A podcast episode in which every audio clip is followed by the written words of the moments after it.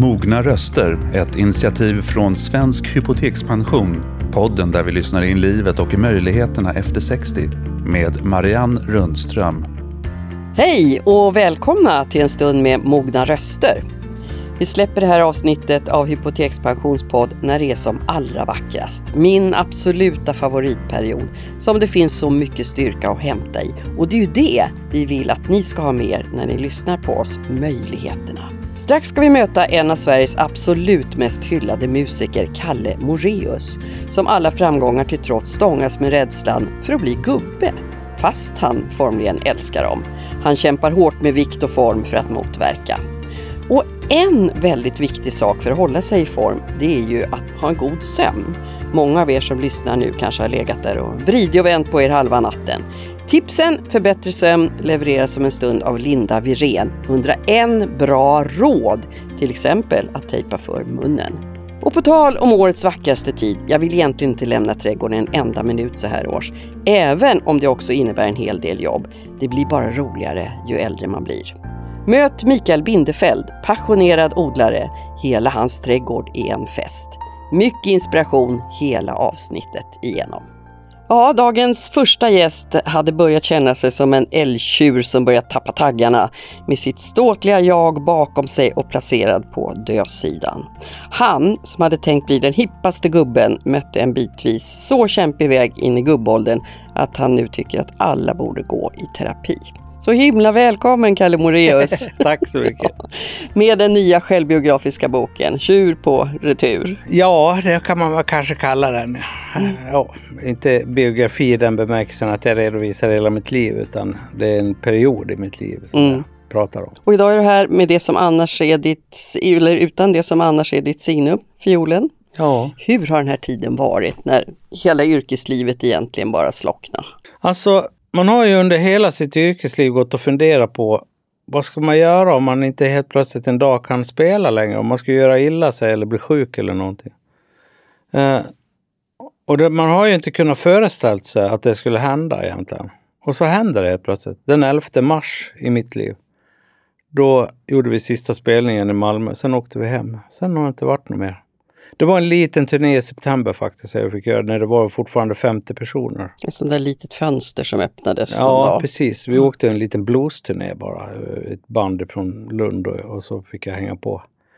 Men för övrigt så har det varit nere, nedstängt. Vad har du gjort med dig då? Eh, först var jag så glad för jag fick åka hem. Det var vårvinter. Eh, åka skidor och snöskoter och möta våren. Och, för vi skulle åka iväg igen i maj var det tänkt.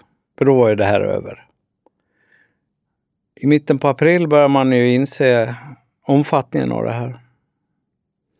Och när allting blev inställt då i maj, där den turnén då, och för övrigt hela sommaren.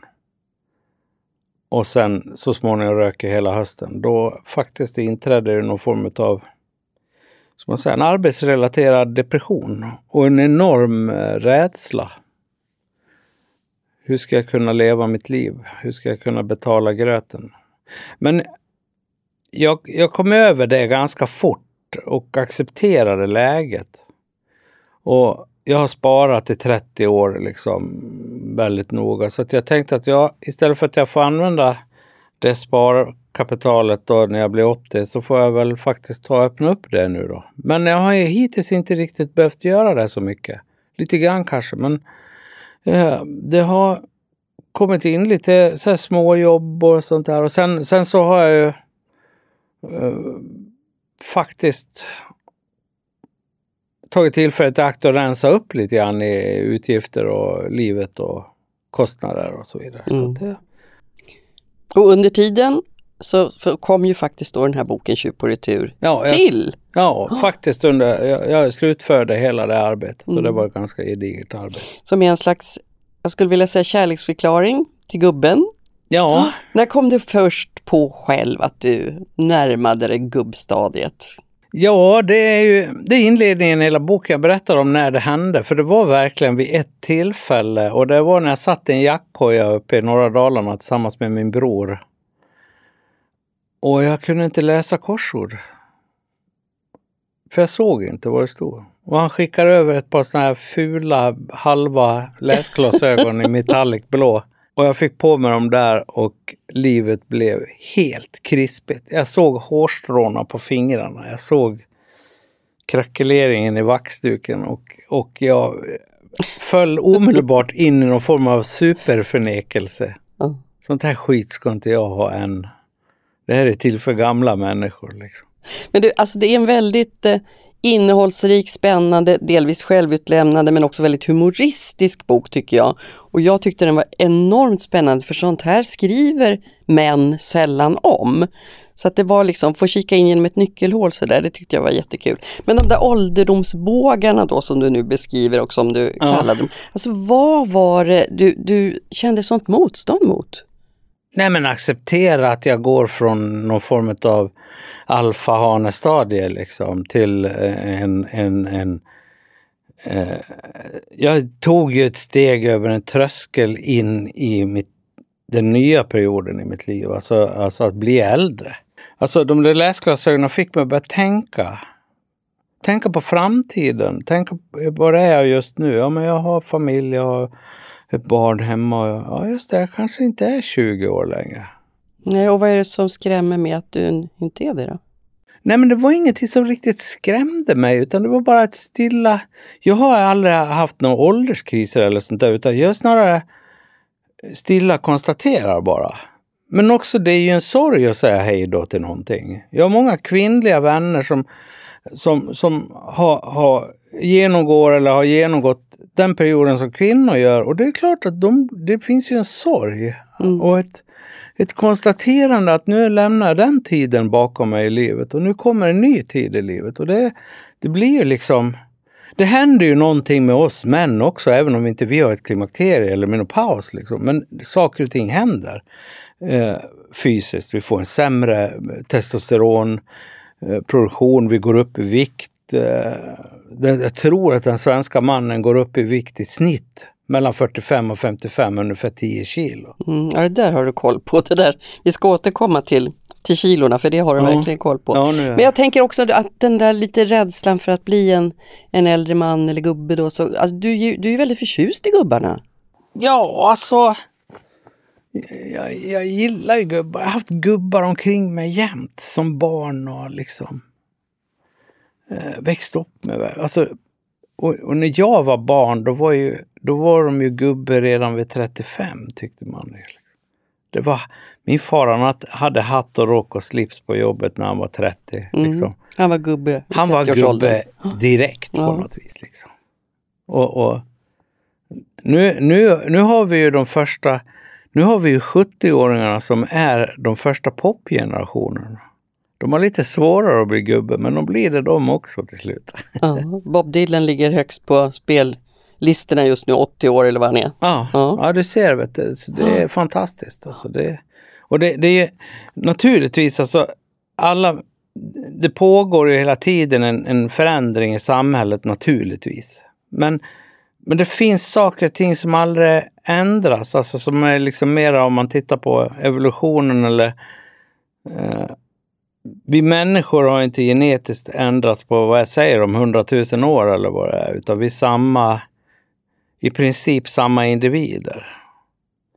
Alltså rent fysiologiskt. Mm. Men vi är friskare, piggare, högre Ja, upp i åldrarna verkligen. Ja, Det är alltså, längre till gubbåldern. ja, det är lite längre till gubbåldern, men det kommer ju. Men du, jag tänker, alltså du har ju varit så extremt framgångsrik. Det har varit Mello, du vann Körslaget, du har varit med i, ja, julvärd, herregud vilken, Ja, vilken mycket. krona på verket alltså. Ja. Men är det en tillgång eller är det någonting som, som snarare är något att tampas med när man kommer in i den där åldern? När du börjar fundera på, ja nu börjar jag bli gammal och snart är det över, eller hur du nu tänker. Ja, alltså hela, hela yrkesrollen förändras ju. Liksom, jag, har ju, jag gör ju kanske inte riktigt samma saker nu som jag gjorde när jag var 35, rent yrkesmässigt. Men jag är förvånad ändå att det är så pass lika. Jag, hade, jag förväntade mig en mycket större förändring under min karriär än vad jag hittills har varit med om i alla fall. Uh, och jag, jag, jag, alltså det är egentligen en ganska stor analys man måste göra för att berätta om det där. För att, uh, min bransch, musikbranschen, har ju genomgått någon form av paradigmskifte liksom, under den tiden jag har verkat. Vi har gått från kassetter och vinylskivor till inga skivor för överhuvudtaget och allting digitalt. Och den utvecklingen har ju ur mitt perspektiv då inte varit så jävla roligt. Men det beror ju på att jag håller på att bli en gammal gubbe och livet var bättre för Å andra sidan så ökade ju livespelningarna och mötet ja, med publiken. Det är väldigt, väldigt positivt för att eh, om nu det finns en bransch som vill styra saker åt ett håll så finns det en publik som drar åt ett annat. Så den här pendeln den är på väg tillbaks lite grann nu. Och det kan man titta igenom och titta på vad det är för musik som gäller och vad det är för någonting som kommer nu den närmaste tiden. Och man tittar ju ofta på USA och så vidare och det är en enorm revival för 70-talet till exempel. Mm. Alltså, för 70-åringen också kanske? För 70-åringen framför allt. Du, det finns ett kapitel i den här boken som du kallar Att förändra en gubbe. Ja. Och som jag måste erkänna att jag närmade mig med viss skeptisk, det, det går i alla fall inte. Men din bok handlar ju verkligen om, om motsatsen, att kunna förändra, delvis mätt i kilon men på många andra sätt också. Alltså, vad har varit viktigast i den här förändringsprocessen som boken ju faktiskt handlar om? Hälsan. Alltså, jag, jag ska inte säga att jag lider av sjukhusskräck, men alltså jag, har, jag, jag är ingen fan av tanken att hamna på avdelning 42 Mora lasarett. Även om det är fantastisk personal och ett bra omhändertagande så vill jag inte dit. På, I alla fall inte på grund av att jag själv har försatt mig i den situationen. Så här, jag gör ju allt det här för att jag ska få en högre kvalitet på, på den förhoppningsvis ganska långa tid jag har kvar i livet. Och att jag kanske blir äldre och friskare. Liksom. Mm. Och det där har du ju jobbat rätt publikt på kan man säga. Biggest ja. loser och nu senast då nästan en tortyrartad träning faktiskt i den stora hälsoresan. ja men det har inte varit så farligt. Har inte det? Jag tänkte Nej. fråga hur ont har den gjort? Nej, det är inte... Det, Nej, det har inte varit så hemskt farligt. Och du skriver ett ganska drabbande kapitel tycker jag om din skilsmässa. Ja. Som, som blev väldigt svår. Du, du beskriver det tror jag som att jag skilde mig inte bara från en kvinna utan från ett liv. Man skiljer sig från hela livet. Det är ett väldigt starkt ord. Ja men alltså, det är så jag upplever alltså, alltså att jag och, och, min exfru skulle gå isär, det var helt klart. Vi är jättegoda vänner och det, det finns ingen schism eller någonting sånt. Uh, uh, utan vi har ett jättebra eh, förhållande till varann. Liksom. Och vi har vår älskade dotter och vi, på, ibland så är ju vi en familj liksom ändå. Men, men eh, man skiljer, det som är det svåra är det att allting blir annorlunda. Man, man, man blir väldigt ensam man, bitvis. Och man, alla högtider blir väldigt annorlunda.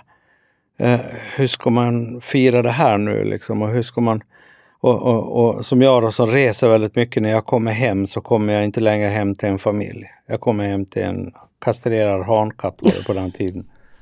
Som knappt lyfte på huvudet när man kom. Och ändå var han piggare än jag. Så att det var... Eh, äh, det var... Det var eh, och sen ska jag, så påstår jag absolut inte att mitt, min sån period var hårdare än någon annan. Utan det är väldigt många människor som har hört av sig och sagt att just nu befinner jag mig i det där eller du fångar det så bra för precis så där upplevde jag det också. Liksom. Men orkade du bry dig om någon hälsoresa då? Nej för fasen alltså. Jag simmade uppåt. Allt det gick bara för att få upp nästippen ovanför och få in lite luft. Alltså det, ja, det var en fruktansvärd tid i livet. Mm. Du kallar den ensamhetstiden va? Ja, lite grann. Det är ett bra, bra begrepp faktiskt. Hur tog du dig igenom då? Ja, tiden hjälper ju en. Och... Uh, det tar ju, alltså när, när det händer så är det ju en period och när man avslutar det så är det en annan period och sen kommer en tid efter det. Och så fick jag en liten mini Stormontrang tid där när jag började må bra och hade roligt och var väldigt social. Och det hjälpte inte heller vikten speciellt mycket. Sammanfattar du livet kan man nästan säga. Så, ja, jo. så, där, så där är det ju. Men vi kanske är framme vid det här då som jag sa i början att du säger att eh, det borde vara lag på att man ska gå i terapi. Mm. Och, och det man, hör man, alltså man, jag satt och funderade på det när jag läste din bok, att så få män jag har hört prata om att de har gått i terapi eller att de skulle behöva gå i terapi. Vad, vad, vad har du hört och sett omkring dig? Um, vad jag kan säga om det är ju det att jag tycker ju att den världen jag kommer från yrkesmässigt, det har rört mig väldigt mycket med musiker, konstnärer, skådespelare. Det är en väldigt intellektuell värld, alltså en storstadsvärld kan man säga. Som, som det faktiskt pratas väldigt mycket och det finns den här processen i det här yrket på något vis. Och där, men kommer man till landsbygden så är det ju nästan så att det inte existerar. Jag tror inte jag känner någon hemma som har gått i terapi. Medan jättemånga vänner här i Stockholm har gjort det. Liksom. Men, men vad skulle du säga då till en äldre man i Orsa? Vad, vad har en äldre man att vinna på att gå i terapi? Alltså när man... Terapi är ju liksom ingen quick fix på något vis. Utan man måste ju göra jobbet själv. Det enda man gör hos en terapeut är att få rätt verktyg kanske. Prova den här skruvmejseln istället eller ta den här nyckeln och prova liksom. Och låsa upp den där dörren. Vad, vad hittar du där? Och sen att man liksom, det var någon som har beskrivit terapi lite grann som att man packar upp en ryggsäck och lägger ut på bordet och så kan man titta på allt som var i ryggsäcken. Och så kan man packa ner den där, packa den där ryggsäcken och så passar man på att slänga någonting. Alltså, jag vet, eh, jag blev nyss kontaktad av eh, en person i Uppsala som, som en äldre människa som, som bedriver just sån här vad ska man säga, en diakon som, som berättade för mig att, att när män kommer till livets slutskede eller den sista tiden i livet så, så är det mycket som tynger dem. För de uppfostrades i en miljö där man skulle bara spotta i näven och gå vidare och det är inget att gnälla över. Det, det, Män har en tendens att kunna gräva en grop liksom och jobba neråt bara och bli tyst när livet är för jävligt. Och det är många som har erfarenheter man skulle behöva ta hand om. Liksom. Många konstiga relationer och, och saker som har hänt dem och så vidare. Som den generationen män aldrig liksom tar fram till ytan. När man sitter en och en, vi gubbar, då kan man ju få höra saker och ting. Men se, i grupp till exempel är det Bara ingen så. annan hör. Nej, precis. Och jag har blivit lite sån där som folk gärna pratar med. Och, och, och jag, jag, det slå, jag slås ju över att de har inte språket. De har inte, de vet inte, de kan inte sätta ord på sina egna känslor, sina egna upplevelser och, och, och eh, vad det är de känner. De har jättedåligt språk men jag blir jätteavundsjuk på kvinnor som kan kommunicera och, och vara liksom fantastiska på det du har ju verkligen satt ord på vad du har varit med om och, och lyft upp känslor i ljuset och faktiskt tagit dig igenom många kriser som du beskriver då. Men jag tänker på ditt kön så finns det ju många äldre män som ja, man hittar andra vägar. Man kanske, ja du vet, man köper en motorcykel eller man träffar en yngre kvinna eller vad det kan vara. Eller börjar tokträna för all del. Det kan vi sätta check på, på dig. Men de andra grejerna då? Ja, det är check på allting. Jag har genomgått alltihop. jag har gjort allting. Det har varit sportbilar och det har varit motorcyklar och snöskotrar och, och prylar, elgitarrer och... Så det är inte bara myter det där? Nej, det tror jag inte. Det tror jag, jag tror det är ett väldigt naturligt sätt. Alltså, eh, man upptäcker att jösses, nu är jag i den här punkten i livet. Och då gör man ju... Men män är, precis, män är ju fåfänga varelser också. Liksom. Mm. Och då blir det lätt på det där viset. Och sen är det ju väldigt många människor som på något vis, till exempel när barnen har flyttat ut, så, och då skiljer man sig. För man är liksom av olika anledningar. Det är ju jättemånga människor som skiljer sig. Liksom. Så den där hippa gubben du skulle bli då, hur går det med den? Ja, det sprack på en gång på något vis. Jag vet inte. Det... Men har du genom det du beskriver den här förändringsprocessen, mycket genom kost och motion men också genom att, att närma dig verkligen känslor och vad livet handlar om. Alltså har, har du förlängt avståndet fram till gubbstadiet tror du? Ja, jag har nog nu backat väldigt många år. Eh, alltså jag...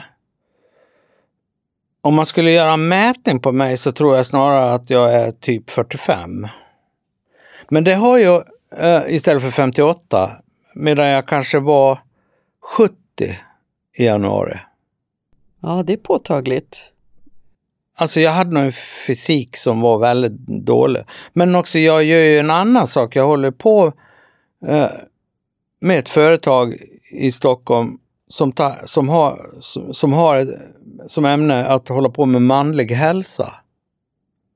Och, och det är ju någonting som jag började att titta på när jag började skriva boken. Vad är, vad är det här manliga hälsan för någonting? Vad består den av? Vad är det som händer med oss? Och jag kunde bara, jag gick ju till det företag som har hjälpt mig och mätt mig och läkarundersökt mig och alltihop och konstaterade att jag hade ju en jättedålig produktion av testosteron. Och, och har man det, då mår man ju skit. Det är bara så. Mm. En gladare Kalle Moreus, vad härligt att du var här. Jag måste erkänna att jag blir rätt gubbförtjust när jag läser ja, den här boken. Trevligt. Vad trevligt. Tusen tack för att du kom. Tack.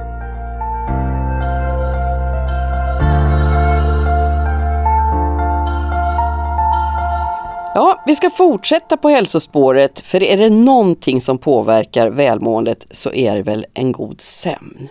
Många, många känner igen sig nu i hur man ligger där och vrider på sig och problem kommer allt längre från en lösning när sömnspökena härjar. Man är beredd att betala vad som helst för att sova sammanhängande en hel natt. Men tipsen ni ska få nu, de är faktiskt gratis och de är många. Allt från en halv lök i sovrummet, tejpa för munnen, avslappning till en fasttejpad legobit under ryggen. 101 tips faktiskt från 16 experter som Linda Wirén, författare och journalist, har träffat och som har givit utifrån sina väldigt olika utgångspunkter tips på hur man ska komma till rätta med sömnen. För det är väldigt många. Så du kan vara säker på, tror jag, att nu sitter folk där hemma på helspänn för att få tipset som ska förändra deras liv. Ja. Kommer de att få det? Ja, alltså det är ju så personligt vad, vad man eh, tycker är bra. Och, och, det var väl det jag kom på. Att det fanns så många olika sätt att, att närma sig, närma sig det här mm. med att, att stressa. Det handlar ju på något sätt om... För min egen erfarenhet var att jag gick i väggen för 12 år sedan. Jag skrev eh, klimatutställning och jag pendlade till Östersund och var projektledare och, och så. Livet som journalist, då måste man ju liksom ta allt man får. Ehm, och så blev det för mycket. Och det gick ju ganska bra att lära sig somna på kvällen. Men just det där med att hur trött man än är på kvällen, om man är uppvarvad så vaknar man mitt i natten och så kan man inte sova. Men vad hände mm. då? då? Du, du kanske inte skrapade ihop mer än tre, fyra timmars sömn. Alltså, vad hände med dig? Jag känner att det som händer först, förutom att man är på helspänn hela tiden, det är väl att en del av den sociala kompetensen faktiskt försvinner. Vad var det jag sa till den där kvinnan? Och hur reagerade hon egentligen? Och vad var det jag gav för intryck? Och, alltså, alla de här små vibbarna, de försvinner. Man blir mer och mer förvirrad över vad, vad för signaler man skickar ut mm. egentligen. Det tycker jag är det som försvinner först. Det där kan man ju känna bara, alltså, det, det räcker nästan med en natts mm. sömnbrist eller mm. två eller tre. Än värre. Det förvärras naturligtvis. Men man kan ju känna det där väldigt snabbt att man liksom inte är på banan. Nej. Och då blir det ju bara värre och värre. För då har vi ju ännu mer att ligga och snurra på.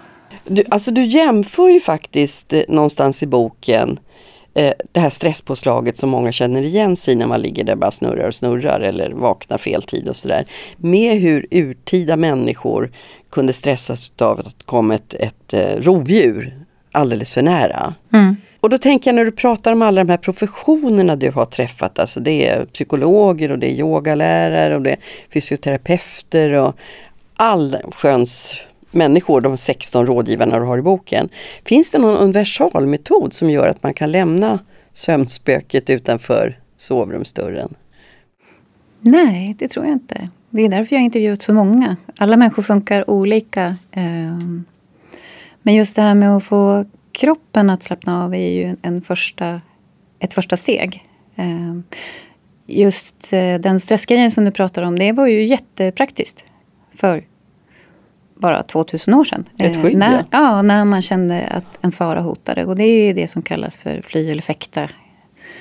Att eh, hjärtat pumpar snabbare, musklerna är spända, hjärnan är på topp, topp och eh, man andas väldigt snabbt och ytligt för att vara superberedd. Eh, och det var ju väldigt praktiskt då. Men om den här puman då som anföll kanske en gång per liv förut förvandlas till, åh nej, missade parkeringsböter. Att man, man blir bombarderad med alla de här sakerna som kroppen uppfattar som faror så många gånger per dag.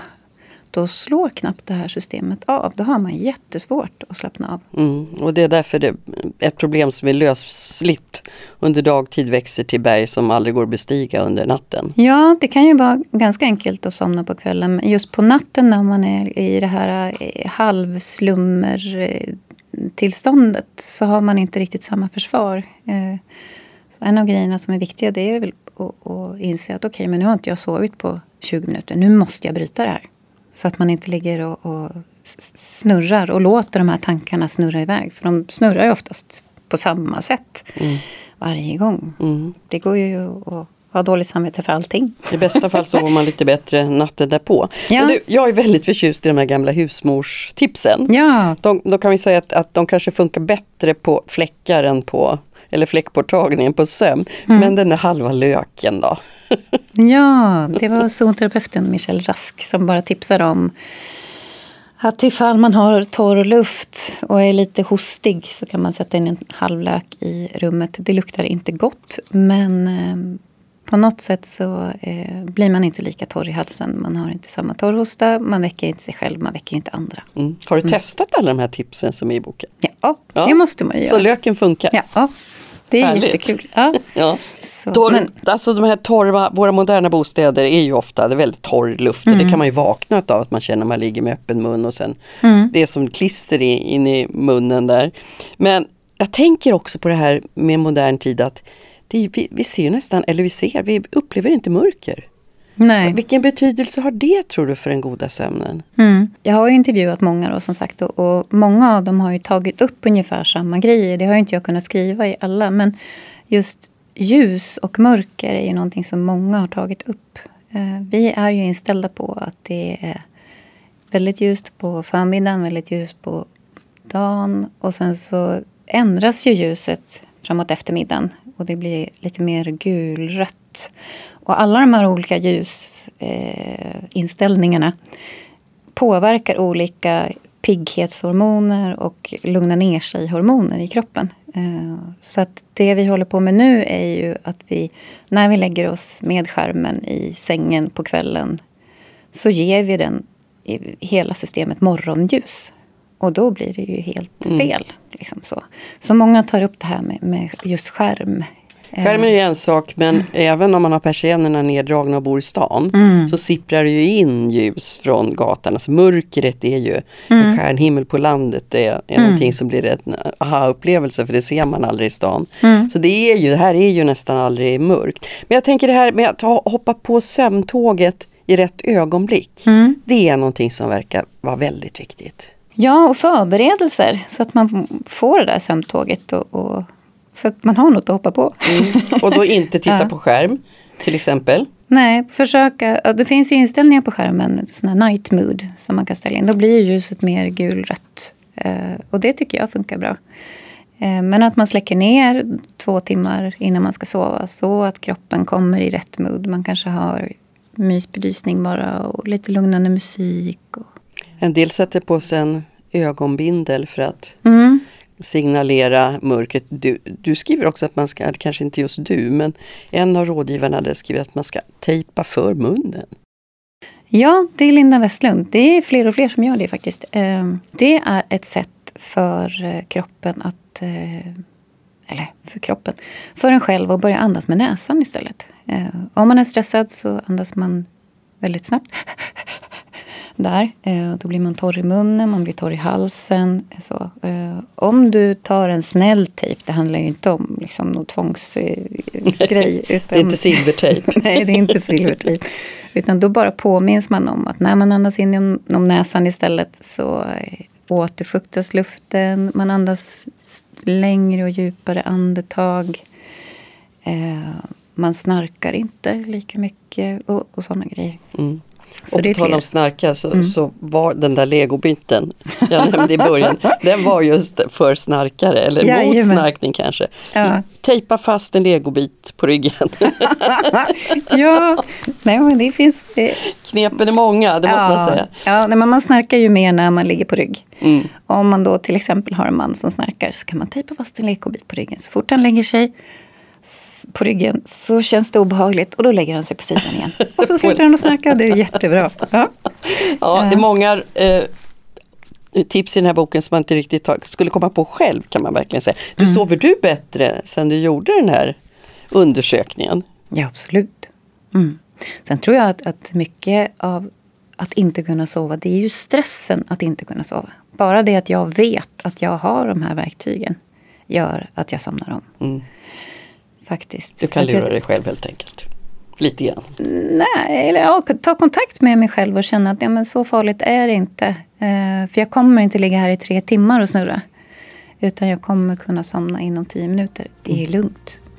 Mm. Tack snälla Linda Wirén. Hoppas vi sover, ni som har problem med det där, där hemma sover ännu bättre imorgon natt då när man har lyssnat på dig. Tack snälla för att du kom. Tack.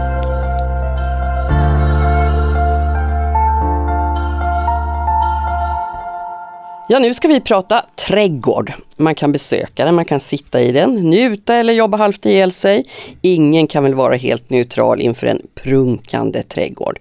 Människan och odling hänger ihop vare sig det handlar om en pelargon i köksfönstret, lite ögonfröjd på balkongen eller jätteträdgården som drar åt parkhållet. Och kanske är det så att intresset för trädgård ökar i takt med stigande ålder. Nu ska jag säga väldigt välkommen till Mikael Bindefeld. Tack, vad fint, vilken introduktion.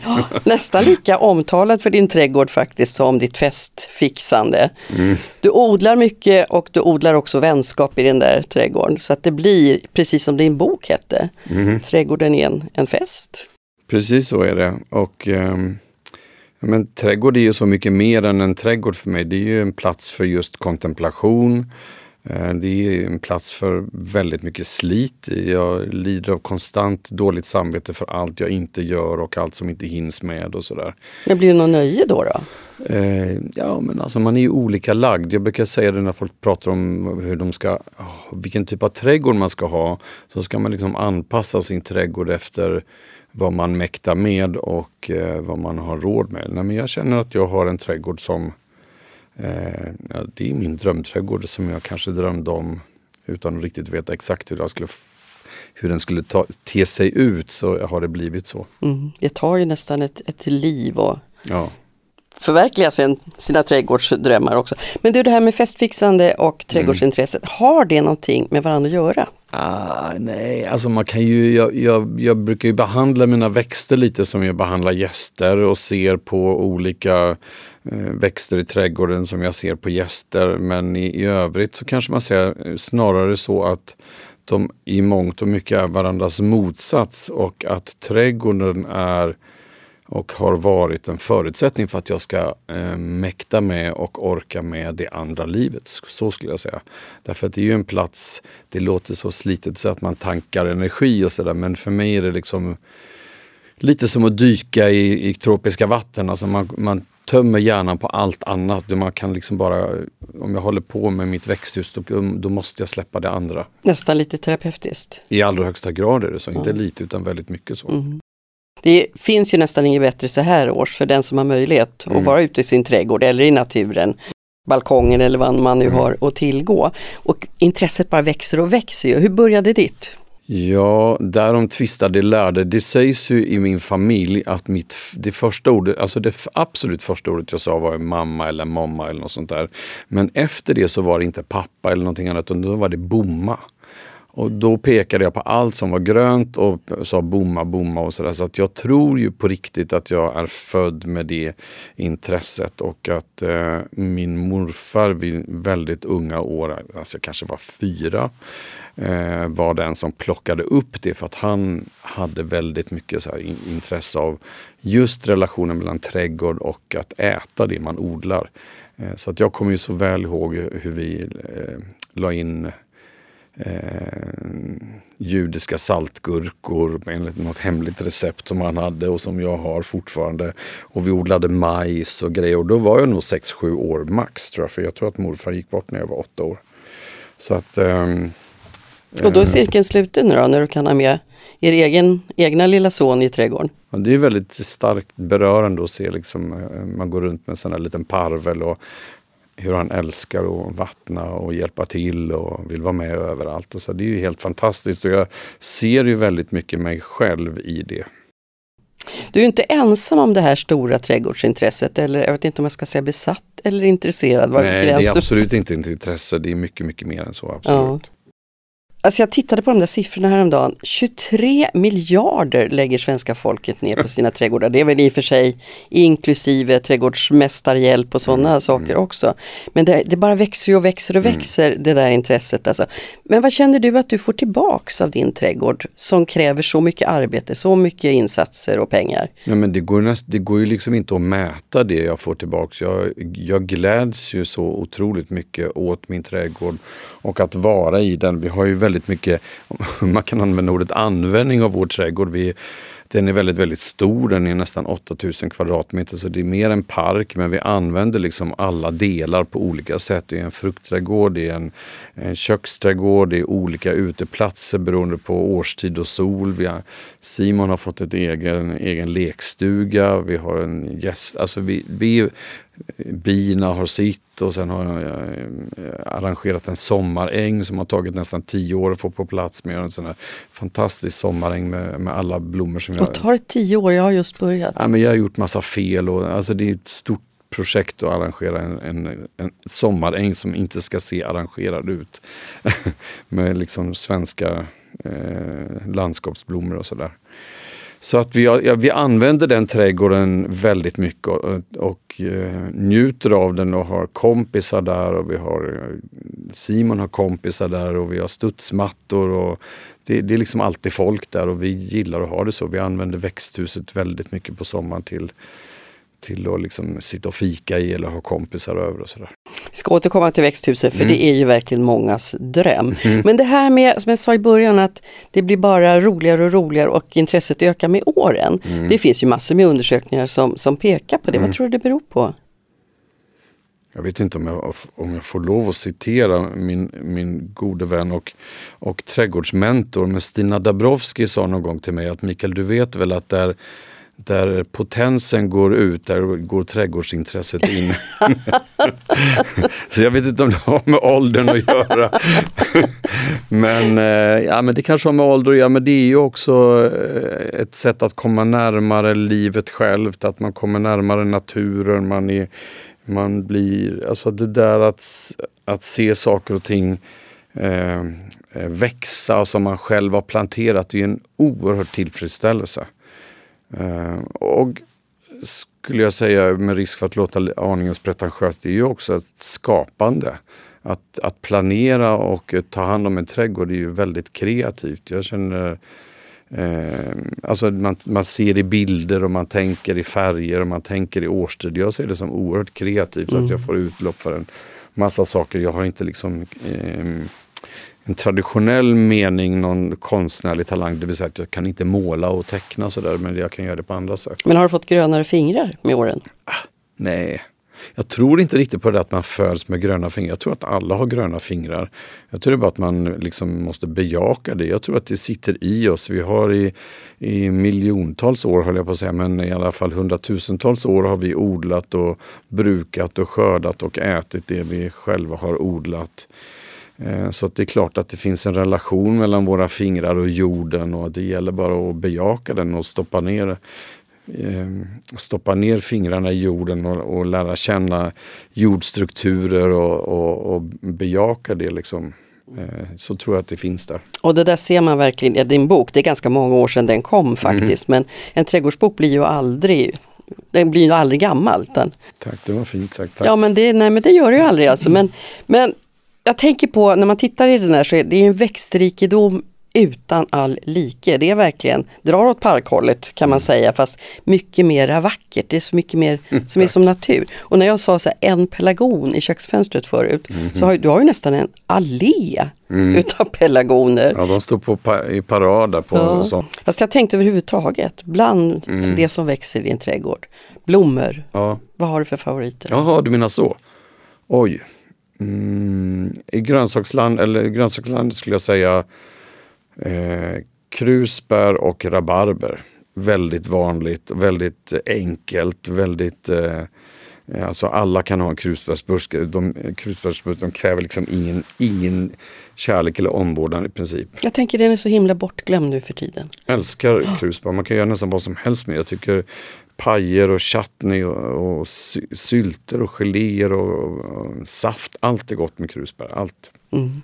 Och nästan likadant med rabarber. Och det där är ju grejen med, med ditt odlande, att väldigt mycket blir också någonting på bordet. Upp, Sen. äts upp. Upp, Ja, precis, upp, ja. ja. Men eh, jag tänker somliga lyckas ju bättre än andra med, med vissa växter. Mm. Det här med gröna fingrar som du säger, alla har, vet inte sjutton om jag håller med om riktigt. Det går så där ibland när man ska försöka lyckas. Men finns det växter som faktiskt inte trivs med dig? Ja, I allra högsta grad. Och det blir ju någon slags ömsesidigt. Jag, alltså, blir ingenting så tappar man ju liksom intresset och eh, ja, men lite så att man känner att man ger upp. Jag har haft några sådana där projekt.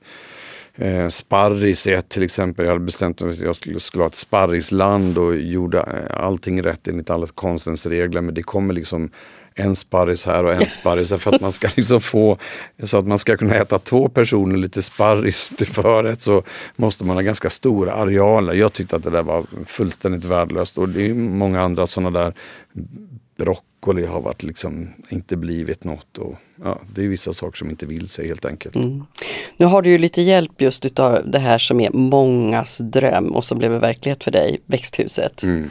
Det är ju, alltså försäljningen har ju nästan fördubblats under pandemitiden faktiskt nu. Mm. Jag att förstår det. Man förstår ju att människor, det här är någonting som man länge har gått och önskat Ja. sig. Jag tror till och med att jag sett dig säga någon gång att ditt liv förändrades med det där växthuset. Ta i nu? Eh, eller det förverkligades. Nej men jag hade ju så, så länge drömt om ett växthus så att det, det var ju liksom, eh, ja, det var oerhört efterlängtat. Samma sak där, ett växthus det är ju liksom ett, det är dyrt. Eh, och det, eh, om man inte liksom snickrar själv och så. Nu har jag ju en variant som är med uppvärmt eftersom jag ville ha ett växthus där jag kunde ha alla växter som stod i källaren på vintern. Jag ville ha dem liksom ljust men svalt. Men inte minusgrader. Så att det ligger på ungefär 10 grader på vintern. Mm. Och då kostar det en slant. Ja, både att bygga och själva uppvärmningen kostar ju pengar.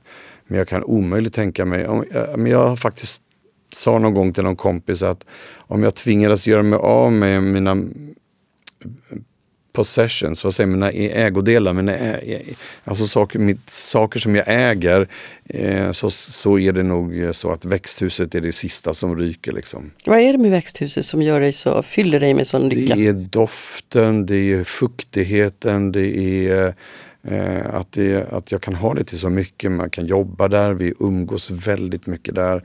Det är en festlokal också. Barnen älskar att hänga där. Eh, Simon är med mig nästan varje dag och hjälper till och skörda tomater och gurkor och vattnar. Alltså det är fantastiskt. Eh, Så vi har otroligt mycket glädje av det där växthuset ska jag verkligen säga. Mm. Det blev en dröm som Mm. Gick i förverkligades, uppfyllelse, ja, verkligen. Så är det. Eh, där inne så, så växer ju nu en hel del då. Vi, vi spelar ju in det här i maj Mm. förstås som börjar kanske planteras ut. Hur ligger du till? Tomatplantorna som jag sätter i februari hemma i, i fönsterbrädet. De är nu skulle jag säga kanske två decimeter höga själva plantan. Lite drygt kanske, två och en halv. Hon börjar stagas upp och bindas upp och börjar ta alla tjuvskott och sådär för att de ska bli kraftiga. De kräver ju oerhört mycket liksom uppmärksamhet och näring och vatten och så för att de ska växa. För att inte, ja men säsongen är ju ändå ganska kort, eh, till och med med växthus. Så vill man ha stora skördar tomater då måste man börja tidigt. Och de största ska växa i ditt växthus, eller? Ja, det är mycket, jo, det är faktiskt väldigt mycket. I år är det mycket bifftomater. Så precis så är det. Lite trött på de där små vackra nu vill jag ha sådana här stora härliga jättetomater. Ja. Och det är så mycket färger, det är som Mm. prakt nu. Svarta tomater, gula tomater, röda tomater, men alla olika. Men alltså på tal om allt jobb som man kan lägga ner i en trädgård, tänker när du sa tjuva tomater. Mm. Det där är ju verkligen ett knep som gör att det blir mycket tomater. Nu är det här ett ljudmagasin så man kan inte se hur du gör men Nej. vad är det där för knep egentligen nu? Nej men det är inget knep, det är bara det att man försöker att hjälpa tomatplantan så att all energi och näring går till att eh, växa på höjden och sätta liksom eh, blommor och så att blommorna ska bli pollinerade för att de eh, ämnena då som blir eh, ska växa och bli stora. Annars blir det liksom små pluttomater. Det blir liksom inga tomater om man låter dem växa ut i jättebuskar. Men om du nu har den där mängden planter, hur lång tid tar det att gå runt varje morgon och tjuva tomater? Eh, ja, de, de där tjuvarna kommer ju väldigt, alltså verkligen nästan över natten. Nej men ah, det, det där gör jag liksom. Jag har, jag har en, en procedur där tomattjuvning ingår. Jag går liksom min, min rundvandring, jag går min trädgårdsrunda varje dag. Och då är växthuset det första jag gör. Och sen får vi följa med på Nej, den där jag, rundan. eller nu ljuger jag, för jag går ju pelag, pelargongången upp till. Och så att jag, då kollar jag pelargonerna och så noterar jag vilka som behöver vad och vilka som ser torra ut. Och, vilka, och så går jag redan där och tänker jag måste plantera om den där. Och den här behöver större kruka och den här måste jag klippa ner lite. Och den här är för hög, den här behöver bli tätare. Och sen så går rakt in i växthuset och så är det tomaterna som får sitt där. Alltså det låter ju nästan som en heltidssysselsättning, eller skulle kunna vara i alla fall.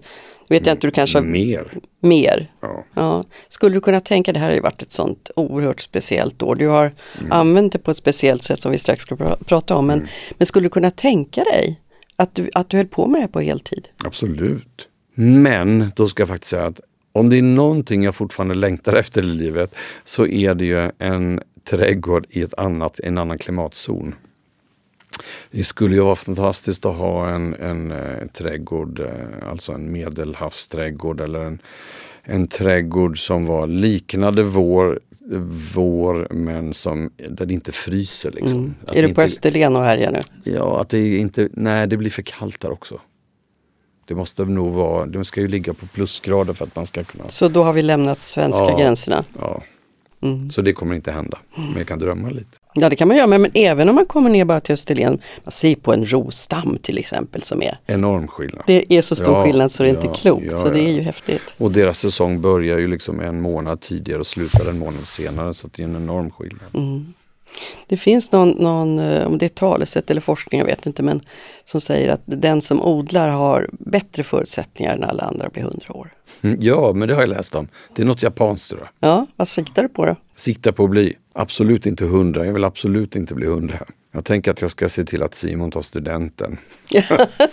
Och sen, sen får han en spade och en kratta i studentpresent. Och, ja, vilken härlig glädje det verkar vara med den där trädgården. Det är verkligen det. Men jag tänkte vi skulle hinna prata om det här andra också som faktiskt som sagt var ett väldigt konstigt år. Särskilt om man nu sysslar med stora evenemang alltid annars. De har ju lyst med sin frånvaro och det börjar bli väldigt tomt faktiskt. För det där märks ju för nästan alla människor på olika sätt.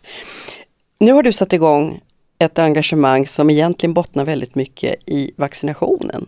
Mm. Berätta. Eh, eh, bara, jag måste korrigera, det är inte jag som har satt igång det utan jag har blivit liksom kontaktad och engagerad av några som eh, egentligen är det en, organiska- en organisation som heter KOM, Sveriges kommunikatörer, som har initierat det här projektet.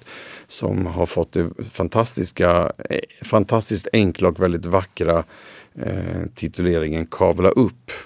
Och det är precis vad det är, kavla upp. Alltså dels att man kavlar upp armarna och tar tag i saker och ser till att det händer någonting. Men också att man kavlar upp sin egen arm och ser till att man tar de där sprutorna. All, all tillgänglig forskning från alla seriösa forskare och vetenskapsmän säger för att vi ska komma tillbaks till någon typ av normalitet så måste vi liksom vaccinera minst 60 procent av den vuxna befolkningen. Och utöver det då är det de som får naturliga antikroppar. Så 60 procent är ganska mycket. Är dit är det långt. Ja, men det är också så in i grupper som det är svårt att, att få kontakt med. Det är väldigt många eh, som hänger sig åt olika konspirationsteorier. Eh, Men vad kan du göra från, din, från ditt håll för att få kontakt med de här grupperna som är skeptiska till ja, men vi har vaccinationen? försökt då med den här kampanjen att göra en, en eh, enormt omfattande landsomsträckande kampanj som heter Kavla upp där en mängd olika förebilder inom olika genrer eh, ställer sig upp med på en vacker svartvit bild och bara kavlar upp sin arm. Det är allt från filmstjärnor och kockar, det är allt från eh, rymd, rymdastronauter till till prinsessor, det är skådespelare och det är musiker och det är alltså en, en otrolig blandning av fantastiska människor som har eh, gett sitt ansikte och sin tid åt den här kampanjen Kavla upp. Låt hundra röster höras och tusen blommor blomma. Mm, kan vi säga. Mm. Tusen tack för att du kom till oss. Tack så hemskt mycket för att jag fick. Tack. Svåra frågor, raka svar. Svensk hypotekspension reder ut med Robert Lindström och juristen svarar. Ja, då var det dags för lite juridik i Mogna röster. Välkommen Robert Lindström som alltid med oss. Tack, ja, kul att vara här. Ja, det hoppas vi att det, mm. och att det ska bli också. Du, vi har fått ett brev ifrån Gunnel idag som känns eh, ganska aktuellt faktiskt den här årstiden. Eh, det är hon och hennes Kurt som har ett sommarhus en lång tid tillbaka och nu har de börjat tänka att det här kanske blir sista sommaren där de tycker det börjar bli lite tungrot helt enkelt. Eh, och då tänker de sig att deras två söner ska ta över men Gunnel och Kurt vill kunna fortsätta att vara där. Hur löser man det? Mm.